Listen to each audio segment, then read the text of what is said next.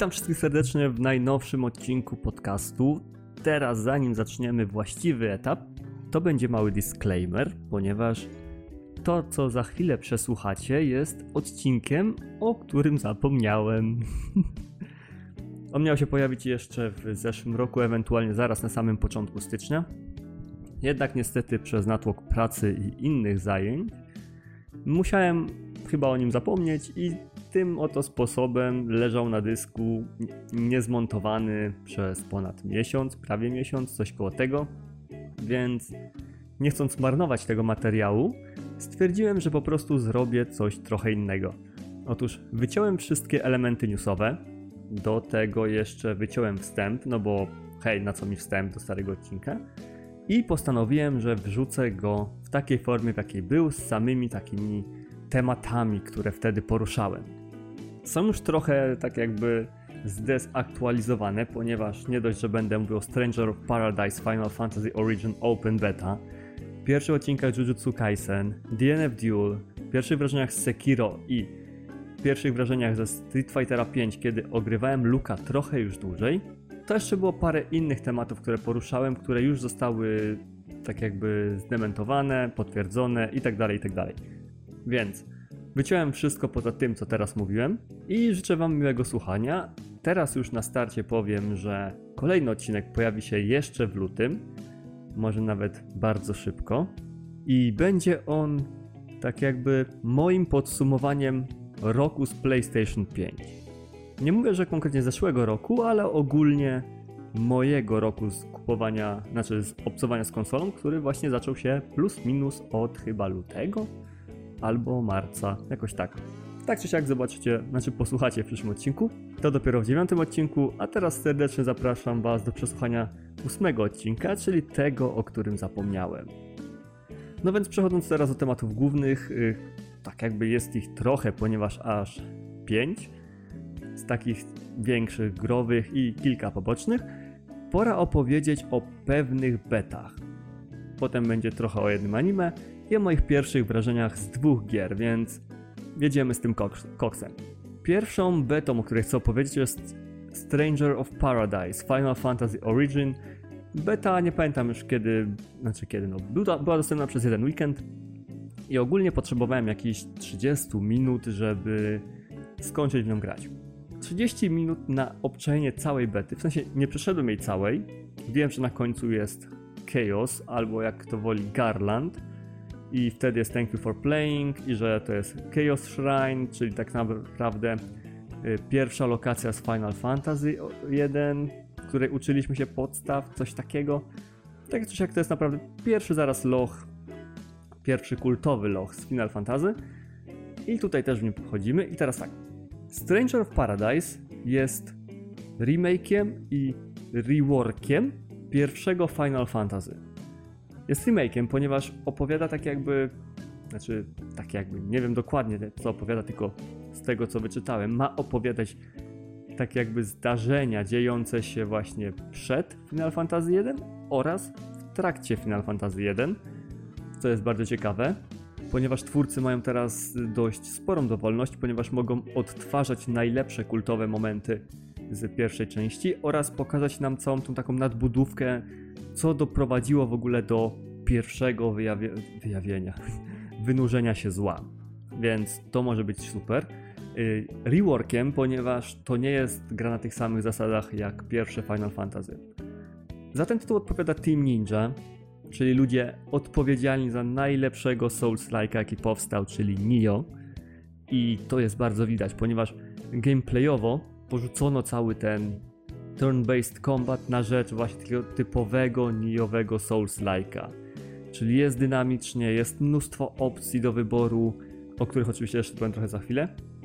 I całość skupia się na byciu action RPG gdzie musimy zarządzać naszą staminą. Jeżeli pasek staminy zejdzie nam do samego końca, to niestety nie będziemy mogli się praktycznie ani to jakoś bardziej poruszać, ani tym bardziej atakować i nic z tych rzeczy, więc będziemy zmuszeni albo do blokowania, albo do przyjęcia ciosu.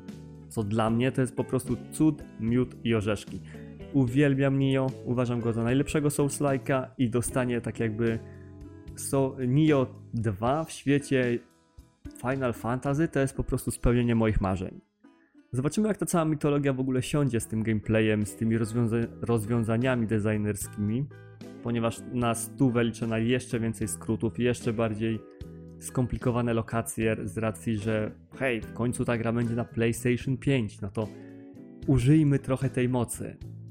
No i teraz tak, jak mówiłem, że będę opowiadał trochę o mechanikach, no to tutaj jest super ciekawie. Dalej mamy ten sam nijowy sposób podejścia do rozgrywki, czyli nasi przeciwnicy mają po prostu dwa paski, z czego jeden pasek to jest oczywiście życie, z drugi to jest stamina, więc nie ma oszukiwania jak w Soulsach, że trzeba po prostu czekać aż przeciwnik będzie miał to okienko, które po prostu trzeba wypełnić swoimi atakami, bo tak to mogą atakować w nieskończoność. I w momencie, kiedy na przykład zbijemy komuś staminę i jest już na skraju życia, możemy go po prostu wysadzić w formie kryształu, co jest po prostu brutalnie efektownym posunięciem. Tak czy siak walka jest super, można to co mnie najbardziej właśnie jeszcze urzekło, to fakt, że jest jeszcze bardziej rozbudowana niż w Nio. Może będzie za dużo tutaj porównań do Nio, ale no niestety musicie zrozumieć, ta gra jest wspaniała, a że Stranger of Paradise jest, jest jej nadbudówką, to będę się tym zachwycał po wsze czasy. Otóż, tak jak w innych grach tego typu, czyli tam souls like'ach, możemy sobie wybrać klasę, rasę, kolor skóry i tak. Tak tutaj gramy nie dość, że zafiksowaną postacią, czyli Jackiem, który myśli tylko o chaosie, to jeszcze nie mamy z góry narzuconej klasy. Nasza klasa zależy od tego, jaką sobie wybierzemy. Mamy dostępne na początku, z tego co pamiętam, był Lancer, Rogue i Mag, dobrze pamiętam, coś takiego. W ogóle typ walczący z sztyletami, wielkim mieczem, włócznią i jeszcze magią, to cztery. I możemy się między nimi dowolnie przełączać w trakcie gry. Nie jest to tak zrobione, że musimy po prostu wchodzić do głównego menu, wybierać kolejną klasę i wtedy grać dalej tylko możemy w locie się przełączać, że tu dziubejemy na przykład lancą, po chwili przełączamy się na magię, która też jest super rozwiązana, atakujemy magią, potem przełączamy się na sztylety, bo wiemy, że potrzebujemy szybkich ataków i tak po prostu przeskakujemy, przeskakujemy. Coś bardziej na zasadzie też Devil May Cry, gdzie mogliśmy przełączać się między brońmi. Co do samej magii, naprawdę urzekło mnie to, że nie wybieramy po prostu mocniejszych wersji danego czaru. Czyli mam tą Fire, Fira i Firaga, i żeby użyć tego, nie wystarczy jedynie wybrać tego z komend i po prostu spamować najmocniejszą wersją tego, co już mamy, a jedynie trzeba przytrzymać guzik ataku. Tym samym pojawia się takie koło, z którego możemy wybrać dostępne dla nas czary i im dłużej trzymamy ten guzik, tym mocniejsza wersja tego czaru się pojawia. Standardowo, to nie jest tak, że jesteśmy wtedy nieśmiertelni, nikt nas nie atakuje ani nic. Jeżeli otrzymamy jakiekolwiek obrażenia, to momentalnie dość, że tracimy życie i tak dalej, to przerywany jest cały cast, więc trzeba bardzo mocno uważać na to, kiedy i jaki czar używamy i zastanowić się, czy na przykład, czy teraz potrzebuję Firagi, czy teraz potrzebuję jednak Firę, Blizzarda, czy Blizagi, co będzie super, ponieważ zazwyczaj magia w takich grach jest traktowana po macoszemu, czyli na zasadzie naciśnij guzik na rajd do przodu, tak tutaj osoby grające postaciami magicznymi, pozdrawiam Cię Agnieszko, będą miały o wiele więcej kompleksowej zabawy, co dla nich oczywiście to będzie na plus, a dla mnie to w sumie chyba też, bo mam zamiar spróbować grania magiem.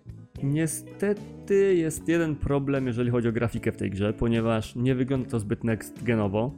Wygląda jak tytuł z połowy życia PlayStation 4, co dla mnie oczywiście to nie ma znaczenia, ponieważ hej, nawet jakby wyglądało jak na PlayStation 2, a grało się świetnie, to byłbym zadowolony. Ale wiele osób może zacząć kręcić po prostu nosem, że o, co tu jest, takie brzydkie, a tutaj przecież jest Horizon, tutaj jest oczywiście Bloodborne, Elden Ring i tak dalej, i tak dalej. Ale uwierzcie mi, pomimo tego spadku jakości pod względem grafiki, cała reszta wam to wynagrodzi. Jeżeli uwielbiacie właśnie wspaniałą rozgrywkę, płynną rozgrywkę, dającą mnóstwo satysfakcji, to Stranger of Paradise jest po prostu czymś dla Was. Jeżeli uwielbiacie zbierać loot, który nie jest taki zero-jedynkowy jak w Nio, na zasadzie, że w momencie, kiedy osiągasz setny poziom, zdobywasz tylko rzeczy na setny poziom i większy i tak dalej, i tak dalej, tylko w każdej strony, to też Stranger of Paradise jest dla Was, ponieważ tutaj będzie tona tego śmiecia do zbierania, do wymieniania. Będą po prostu statystyki rodem z borderów, gdzie zdobędziecie 50 razy ten sam miecz, o tej samej nazwie, ten sam model, wszystko to samo, ale będą nagle tu statystyki, tu procent więcej, tu procent mniej, tu jakaś ekstra statystyka, tutaj jakaś ekstra umiejętność i tak dalej, i tak dalej. A właśnie, a propos umiejętności, nie możecie nimi spamować kiedy chcecie. Musicie naładować specjalny pasek poprzez atakowanie i wtedy dopiero możecie nawalać umiejętnościami, co też jest spoko. I co jest super fajne, tak jak grając w różne inne Souls-like'i lub inne gry, przy zmianie broni trzeba było uczyć się nowych kombinacji ciosów, czyli na przykład już 3 razy x nie działało, tylko trzeba było, nie wiem, 2 razy x i kwadrat albo coś. Tak, w Stranger of Paradise nic się nie zmienia. Zmienia się animacja ciosów, zmienia się zachowanie postaci, ale guzikologia zawsze zostaje taka sama między wszystkimi brońmi. Więc to jest też super ułatwiacz i to jest jeden z niewielu ułatwiaczy, ponieważ gra sama w sobie jest naprawdę wymagająca nawet na takich standardowych poziomach trudności. Chociaż to może być bardziej wersja, e, wersja, to może bardziej wina wersji beta, ponieważ hej, w becie zawsze dają taki podstawowy poziom, taki wyjściowy, jakby chcieli to wydać, a potem gracze narzekają, że jest za trudno i trzeba to podkręcać, obniżać i tak dalej, i tak. Więc zobaczymy, co z tego będzie. Nie pamiętam, czy tam był wybór poziomu trudności. To już musicie mi wybaczyć, ponieważ po prostu klikałem bardzo szybko X, żeby przelecieć już do pierwszego shrina. Nawet, nie, nawet jeżeli był jakiś filmik wejściowy, to go nie obejrzałem, ponieważ nie chciałem sobie psuć yy, wrażenia z obcowania z tym tytułem, jak już wyjdzie w pełnej wersji. I tak, Shrine of Chaos jest piękne pod względem designu. I tutaj nie ma co się ze mną sprzeczać, mimo że te tekstury i tak dalej, może są takie typowo, wiesz, tutaj loch, tutaj zamek, tutaj coś, tak cała architektura tego, w sensie jak lecą korytarze, że tu trzeba iść w górę, tutaj trzeba skrót odblokować, tam trzeba coś zniszczyć, coś takiego, coś takiego, tu trzeba zaskoczyć, jest po prostu niesamowite. Uwielbiałem zwiedzać ten cały świat. To jest coś niesamowitego, jak Team Ninja potrafi zrobić lokację, po której aż chce się po prostu biegać, latać i mordować wszystko. Z takich moich ostatnich już wrażeń, znaczy wypowiedzi na temat wrażeń zbyt wypowiedzi o becie, tak będzie prościej. Polecam to. Jeżeli ktoś zastanawiał się, czy Stranger of Paradise jest tytułem dla niego, to mogę śmiało wam powiedzieć, że tak. Jest to tytuł, w który powinniście zagrać, w który będzie się super grało i którego prawdopodobnie złożę preorder, ponieważ jestem napalony jak łysy, jak łysy na suchary, jak łysy na, na grzywę, a szczerbaty na suchary. Plus to jest niesamowity rok dla fanów Souls-like'ów i ogólnie gier podobno uznawanych za wymagające. Nie dość, że będzie Elden Ring, to po chwili będzie Stranger of Paradise. I jak tu nie kochać tego roku? Gracie pół roku w jedno, pół roku w drugie i macie po prostu cały rok już ustawiony, święta, wakacje itd., tak itd. Tak Z drugiej strony była też oczywiście beta DNF Duel. Jest to bijatyka od Arxis, twórców chociażby Guilty Gear albo uwielbianego przez wielu Dragon Ball Fighters i tak jakby to powiedzieć, Guilty Gear Strive, czyli ich ostatnia gra do tej pory, była całkowitym odejściem od tego, co seria zazwyczaj prezentowała. Było mniej opcji do wyboru, w sensie mniej komend, bardziej uproszczony gameplay itd., tak itd. Tak Mimo wszystko gra dalej jest super, polecam ją każdemu, recenzję macie na kanale i naprawdę ona nie będzie kłamała. Jeżeli macie grać w Strive'a, grajcie śmiało, rollback jest y, live, rollback is love. Tak, DNF Duel jest nie dość, że oparty na DNF Online, jeżeli dobrze pamiętam, takiej chińskiej gierce online z postaciami z bijatyk, tak jest tym, czego fani Guilty Gear chcieli po tym, jak usłyszeli, że wychodzi Strive. Po ogrywaniu Exarda dwójki każdy myślał, że Strife będzie Exardem trójką, ale dostaliśmy coś innego i DNF Duel jest właśnie takim Exardem trójką. Jest to coś niesamowitego, jak płynne, jak widowiskowe, jak szybkie są tam walki. Mimo, że postacie bardziej dzielą się na archetypy znane z gry MMO, tak pasują one idealnie do bijatyk. A ja pozdrawiam sąsiada, który patrzy przez okno teraz. Nie wiem, czego wypatrujesz, ale pomacham ci. Ja grałem oczywiście wszystkimi postaciami, które były dostępne w becie. Niestety nie pamiętam ile już ich było, ponieważ betę też wywaliłem, a to nagrywam w jakiś czas po ogrywaniu bety. Ale wiem jedno, że ten tytuł naprawdę wywarł na mnie pozytywne wrażenie. Jest to jedna z tych gier, którą też prawdopodobnie będę preorderował, ponieważ jest to coś niesamowitego. Mam już swoją postać, która jest po prostu Jam Universum DNF Duel. Nazywa się Striker i jest niesamowita. Po prostu każdy cios zadany Striker i innymi postaciami ma swoją moc. Jest ten cały nieziemsko-mityczny hitstop, który sprawia, że czujemy, że nasze uderzenia naprawdę wchodzą, a nie jedynie przelatują przez przeciwników. Muszę jednak zaznaczyć, że jest to typowy air dasher, więc jeżeli nie lubicie tego typu rozrywki, gdzie się dużo skacze, gdzie trzeba się przemieszczać praktycznie w pół sekundy w każde z, nie wiem, czterech kierunków i tak dalej, i tak dalej, to może być ciężko wam wejść w ten tytuł. Ja osobiście, no, chciałbym powiedzieć coś więcej, ale niestety problem z betą był taki, że jeżeli nie znalazło się kogoś do grania, no to nie można było za bardzo poszaleć. Nie wiem czemu, ale nie było jakiegoś trybu treningowego, nie było żadnego arcade'a, nie było nic. Jedynie co można było robić to założyć pokój i grać w danym pokoju z innymi, więc trochę trudno mi coś więcej o tym powiedzieć, poza tym, że czekam. Liczę, że wyjdzie kolejna beta, która już doda takie dodatkowe tryby. Coś jak było w przypadku Strive'a, że można było grać online, można było trenować i był jakiś tam arcade dla dwóch, trzech postaci. Ale to dopiero przekonam się w przyszłości. Ja czekam. I teraz dla małej równowagi przejdźmy do tematu anime.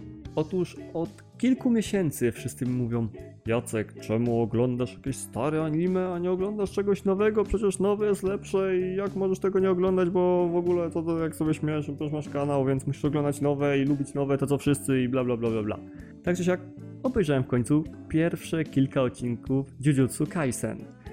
I tak jak na początku byłem trochę zniechęcony głupim rozwiązaniem fabularnym na zasadzie dobra, znowu są uczniowie, jakimś tam liceum, jeden jest nadprzeciętnie jakiś tam inny, typu jest super silny, wytrzymały, coś takiego. I pojawiają się potwory i on teraz zdobywa moc, teraz będzie walczył z potworami.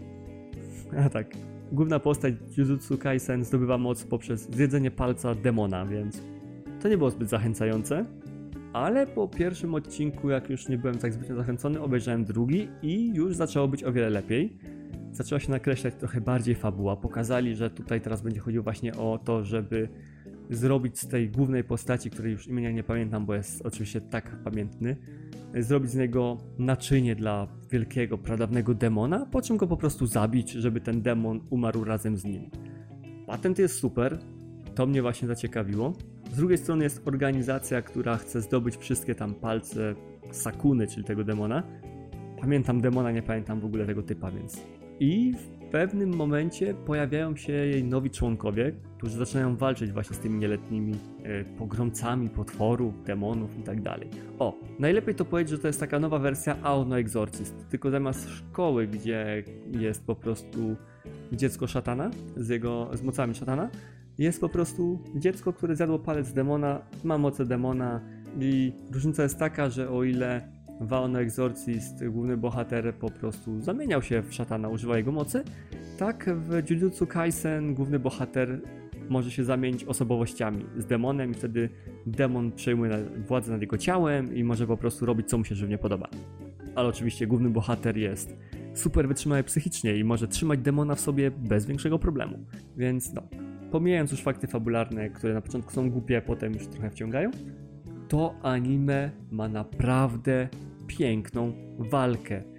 Chodzi mi nie tylko o same wizualia, ale też o choreografię. Po prostu kiedy patrzyłem, jak tłukli się między sobą, no bo inaczej tego nie można nazwać. Nie można tego nazwać finezyjną walką. Po prostu tłukli się jak ochroniarze na dyskotece. To miałem oczy jak pięciozłotówki. Nie byłem w stanie uwierzyć, że ktoś mógł wymyślić coś tak fajnego. Oczywiście patenty na to, że bohaterowie mają różne moce, są mocno, jakby to powiedzieć, nie chcę powiedzieć, no, Jojowate, ewentualnie Hunter x Hunterowate. Każdy ma jakiś tam główny patent. O, Naruto.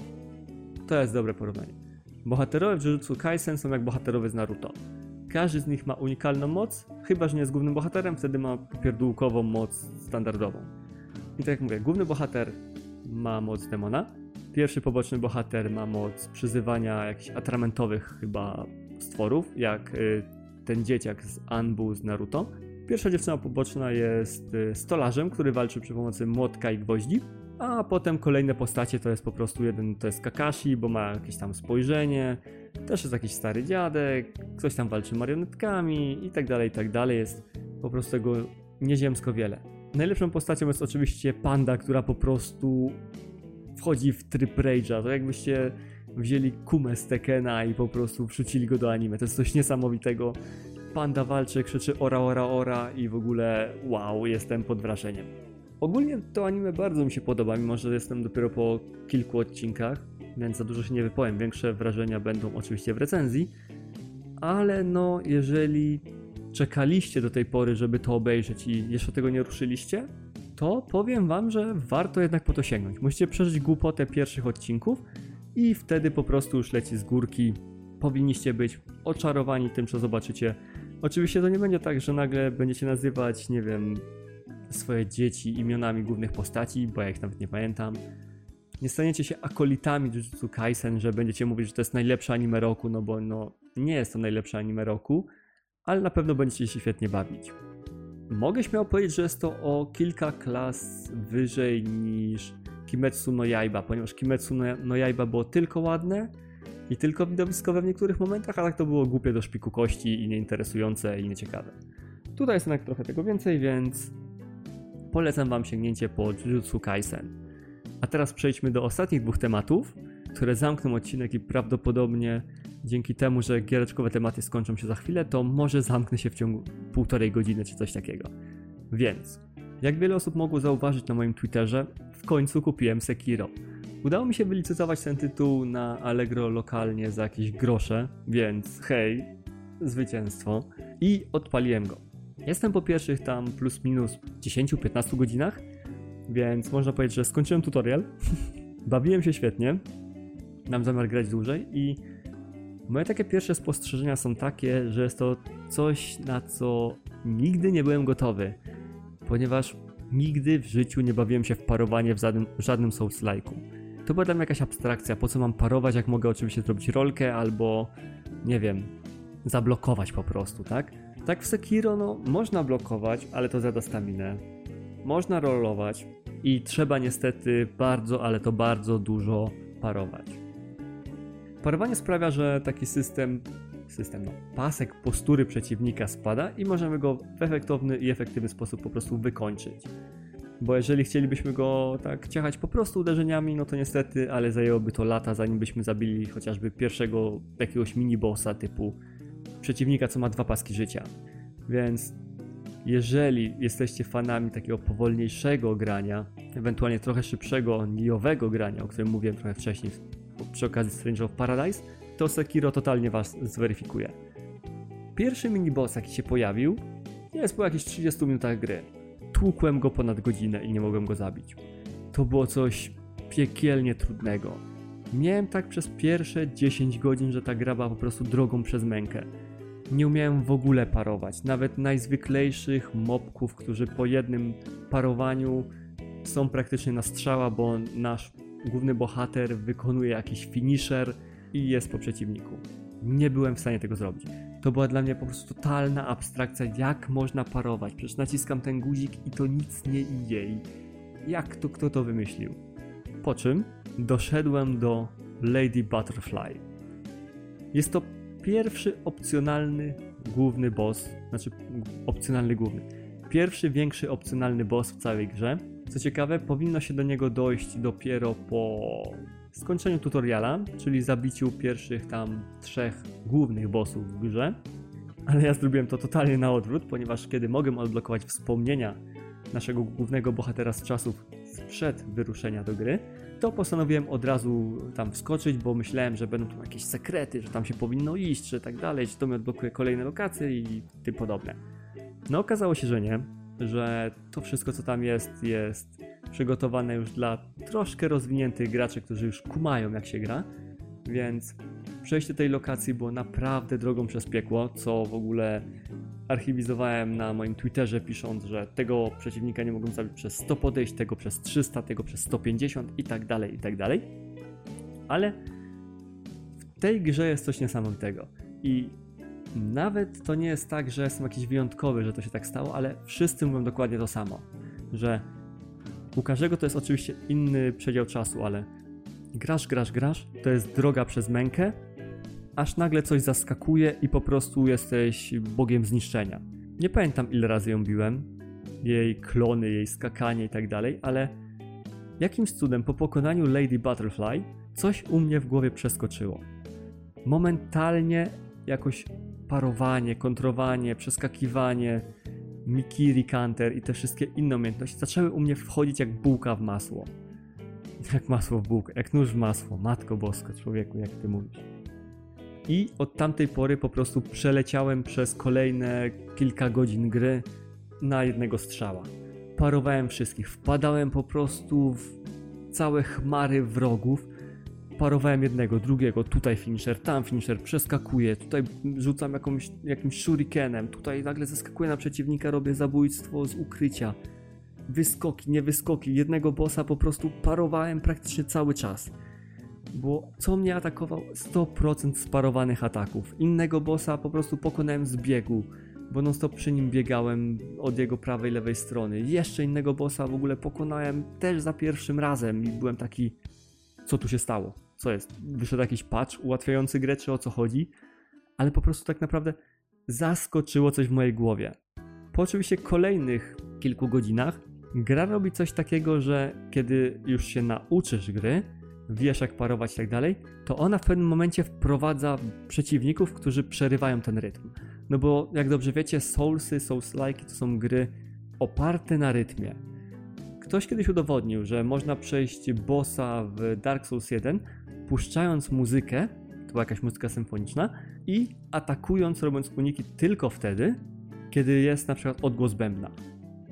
Bo po prostu to jest tak ładnie zmontowane, że cały pojedynek w tych grach to jest jak taniec, pełen rytmu. Trzeba wiedzieć, kiedy zrobić krok do przodu, krok do tyłu, kiedy po prostu prowadzić, a kiedy się wycofać.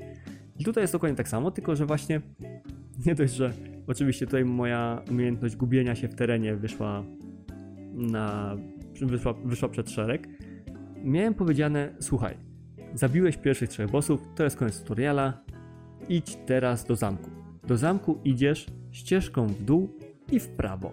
Co zrobił Jacek? Wylądował gdzieś w górach, w jakichś w ogóle y, szrajnach, nie szrajnach, skakałem po drzewach, biegałem z wielkim wężem. To chyba nie ten zamek, do którego miałem iść. Ale odkryłem dzięki temu takie wspaniałe lokacje, że po prostu zapierały dech w piersi. Gra nagle z typowego Souls-like'a stała się grą skradank skradankową na modułę tęczu albo chociażby Tifa, FIFA, jakkolwiek się to mówi. Co też było miłą zmianą, ponieważ pokazuje, że są bossowie, których nie można zabić brutalną siłą, no bo to nie jest Gapping Dragon, że będziesz go bił po ręce albo biła po ręce i on umrze. Ten wąż jest po prostu tak wielki, że nic nie możesz zrobić, więc musisz się skradać i ewentualnie zaatakować go jak nie będzie patrzył, ale to i tak nic mu więcej nie zrobi. Tak czy siak, to co mówiłem, gra uczy cię pewnego rytmu, po, czym, po czym go totalnie zmienia wstawiając pewne postacie, znaczy pewnych przeciwników. Więc trzeba się też nauczyć gry teraz od nowa, żeby móc w ogóle przejść trochę dalej, co jest mega fajne. I tak jak wiele osób mi mówiło, że hej, pamiętaj, musisz parować, parować, parować, trzymać gardę, parować, wybierać tylko momenty, y, tam gdzie trzeba atakować, nie możesz się rzucać na przeciwnika, to im powiedziałem hold my beer, po prostu. Walka z Lady Butterfly to jest po prostu typowy rushdown. Rzuciłem się na nią jak na mięso. Atakowałem, atakowałem, atakowałem, blokowałem, parowałem, nie, od, nie odstępowałem jej na krok. Więc jeżeli chcecie grać trochę wolniej, można. Jeżeli chcecie grać tak jak twórcy zaplanowali, można. Ale jeżeli chcecie grać po prostu na pałę, honest, unga bunga, to też totalnie można. Fabularnie niewiele wiem co się stało. Wiem, że młody pańcz jest uprowadzony, że mam smoczą krew, że jestem nieśmiertelny, że mam rękę, która jest ręką gadżeta i że im więcej ginę, tym więcej covida sekirowego nawiedza świat i zabija NPC-ów. I tyle. Więc trudno mi trochę powiedzieć więcej. Na pewno ta gra powróci jeszcze w którymś kolejnym odcinku, ponieważ wątpię, że ją przeszedł bezproblemowo i bardzo szybko, więc zobaczymy, co z tego wyjdzie. A teraz przechodzimy do ostatniego tematu giereczkowego, czyli do Street Fightera. No więc, jak dobrze wiecie, czekałem na odkrycie mojej postaci, którą po prostu będę chciał grać dłużej. Tym samym pojawił się Luke, którego kupiłem za ciężko, znaczy może nie ciężko, po prostu zarobione fight money i ogrywałem go. I powiem wam, że to jest coś niesamowitego. Ta postać jest po prostu stworzona dla mnie. Wojownik MMA, mający projectile, mający DP, do tego takie DP, że po prostu mogę się nim budzić i jestem bezpieczny. Mający sprint, który mogę zamienić w overheada albo w zwykłe uderzenie. Mający V-skilla, który strzela trzema projectilami naraz. Oczywiście jeden po drugim. To jest coś niesamowitego. Uwielbiam granie lukiem. To będzie bardzo krótki segment, ponieważ będę się po prostu cieszył tym, że ta postać wyszła. I jest to coś niesamowitego. Nigdy nie myślałem, że nowa postać, która po prostu wygląda jak Logan Paul, którą wszyscy mieszali z błotem od samego początku, może być tak fajna. Przy czym jest to postać, która ma podobno pokazać nam, czym będzie przyszły Street Fighter, czyli Street Fighter 6. Jeżeli to, co preze prezentuje Luke, jest tym, co będzie prezentował Street Fighter 6, sorry, I'm in. Na całego leci preorder, ponieważ to jest coś niesamowitego, jak już mówiłem, i powtórzę jeszcze raz, że to jest coś niesamowitego i będę powtarzał to często. Nie jest on ani powolny, ani jakiś super szybki, więc ma standardową mobilność, ma bardzo fajne frame trapy i co najważniejsze, każdy jego, prawie każdy jego cios posuwa go trochę do przodu, co jest tak nie do końca używanym gimmickiem w bijatykach, ponieważ kiedy atakujemy przeciwnika, myk polega na tym, że po każdym uderzeniu on jest od nas odsuwany. Więc standardowo w końcu wyjdziemy poza jakiś tam okrąg, w którym możemy go po prostu atakować, tak? Poza zasięg. Tak z lukiem jest trochę inaczej, ponieważ luk posuwa się troszkę do przodu, więc pozwala to na kolejne ataki, które u innych postaci nie byłyby możliwe do wykonania. Przy czym ma on bardzo dużo opcji, którymi można gnębić niedoświadczonych przeciwników, którzy wciskają po prostu guziki na wake-upie. Jeżeli kiedykolwiek przyjdzie wam do głowy, żeby przy luku stawać inaczej niż z blokiem, to możecie się po prostu pożegnać z wygraną. Ponieważ luk ma to do siebie, że nawet na odległość swoich na odległość ma swoje projectile, czyli może strzelić blisko, ale szybko, daleko, ale trochę wolniej i tak dalej, i tak. Coś jak Ryu, tylko że buła Ryu chyba leci i tak czy siak przez pół ekranu. To luk ma coś takiego, że jak odpali swojego Wiskilla, który pozwala na takie szybkie strzelenie trzema projectilami jednocześnie, ewentualnie jak odpalicie Wiskilla po uderzeniu już poprzedniego projectile zwykłego, to jeszcze dopala, wiecie, takie bach, bach, bach, dodatkowe ciosy, to możecie się strasznie na tym przejechać, ponieważ jeżeli nie będziecie trzymali bloku, ok, pierwszy projectile was minie, drugi projectile was zgarnie, a trzeci was dobije. Więc jeżeli kiedykolwiek będziecie grali na luka, zawsze budźcie się z blokiem, ewentualnie jeżeli jest bardzo blisko, no to możecie próbować tech grabować. Ale na odległość nigdy nie próbujcie wstawać jakoś inaczej niż z blokiem. Niestety jego superka jest trochę rozczarowująca, ponieważ często takie kilka zwykłych uderzeń i tyle, które wyglądają no jak końcówka walki jakieś MMA, że po prostu bach, bach, bach, mocniejsze uderzenie, koniec, ale też daje to mnóstwo satysfakcji. Teraz jednak mogę być trochę wyciągany do góry z umiejętnościami w graniu, ponieważ nie dość, że mam hitboxa, to jeszcze ludzie nie umieją grać na luka, więc nie wiedzą czego się spodziewać, jak co robić, jak co blokować i czym co zwalczać. Także jak jeżeli chcecie sięgnąć po jakąś postać, totalnie go polecam, nawet początkującym, ponieważ to jest taki rushdown shoto. Tak najłatwiej powiedzieć. Ma standardowe projectile, DP i tak dalej, ale możecie nim grać totalnie unga bunga, rzucać się na przeciwnika i masakrować go jak dzika małpa. Przy czym bardzo szybko nauczycie się przy nim fundamentów, ponieważ granie nim Footsies jest niesamowicie satysfakcjonujące oraz ma bardzo proste frame trapy. To nie są jakoś tak super skomplikowane, że trzeba w konkretnym momencie bardzo specyficznie zrobić jakiś tam zestaw guzików, tylko możecie na przykład dać do medium, do medium punch i standing medium punch, albo crouching medium punch, back medium punch, jeżeli dobrze pamiętam. I na spokojnie zawsze będziecie mogli to wykonać, ponieważ okienko na wciśnięcie tego drugiego ataku jest na tyle duże, że przeważnie wam to wejdzie. Musicie jednak pamiętać o paru rzeczach, jeżeli gracie z Lukiem. Znaczy, Lukiem. Jego DP leci tylko w górę. To nie jest tak, że jesteście wypychani trochę tak, y, jakby to powiedzieć, do przodu w stronę przeciwnika. Znaczy, tam jest taki minimalny ruch do przodu, ale przeważnie jest takie wypalenie jak rakietą w górę. Więc jeżeli będziecie chcieli zgarnąć kogoś po prostu z troszkę większej odległości i nie wymierzycie DP, to po prostu poleci weave i jesteście na minusie i niestety, ale za długo z tym nie pożyjecie. Więc musicie na to uważać. Technicznie więcej o luku będę chciał powiedzieć w następnym odcinku, ewentualnie za dwa odcinki, kiedy jeszcze trochę nim pogram. Więc uznajcie to za taką super srogą pigułę i przechodzimy po prostu dalej do tematów, o których chciałem pogadać jakiś czas temu. Witam, tutaj Jacek z obecnych czasów i znowu pragnę przypomnieć, że tematy, o których chciałem pogadać jakiś czas temu zostały wycięte, ponieważ zostały zdebankowane, ewentualnie potwierdzone, więc nie ma już sensu o nich dywagować. Tak czy siak, przepraszam, że zapomniałem o tym odcinku i wrzucam go w takiej okrojonej formie, ale następny już będzie standardowo i może będzie z gośćmi. Więc jeżeli dotrwaliście do tego momentu, to pragnę tylko przypomnieć, że mam kanał na YouTubie, konto na Twitterze, ostatnio też na Instagramie, gdzie udzielam się bardzo mocno i serdecznie zapraszam do subskrybowania i polecania mojego kanału. A tymczasem do następnego razu. Cześć!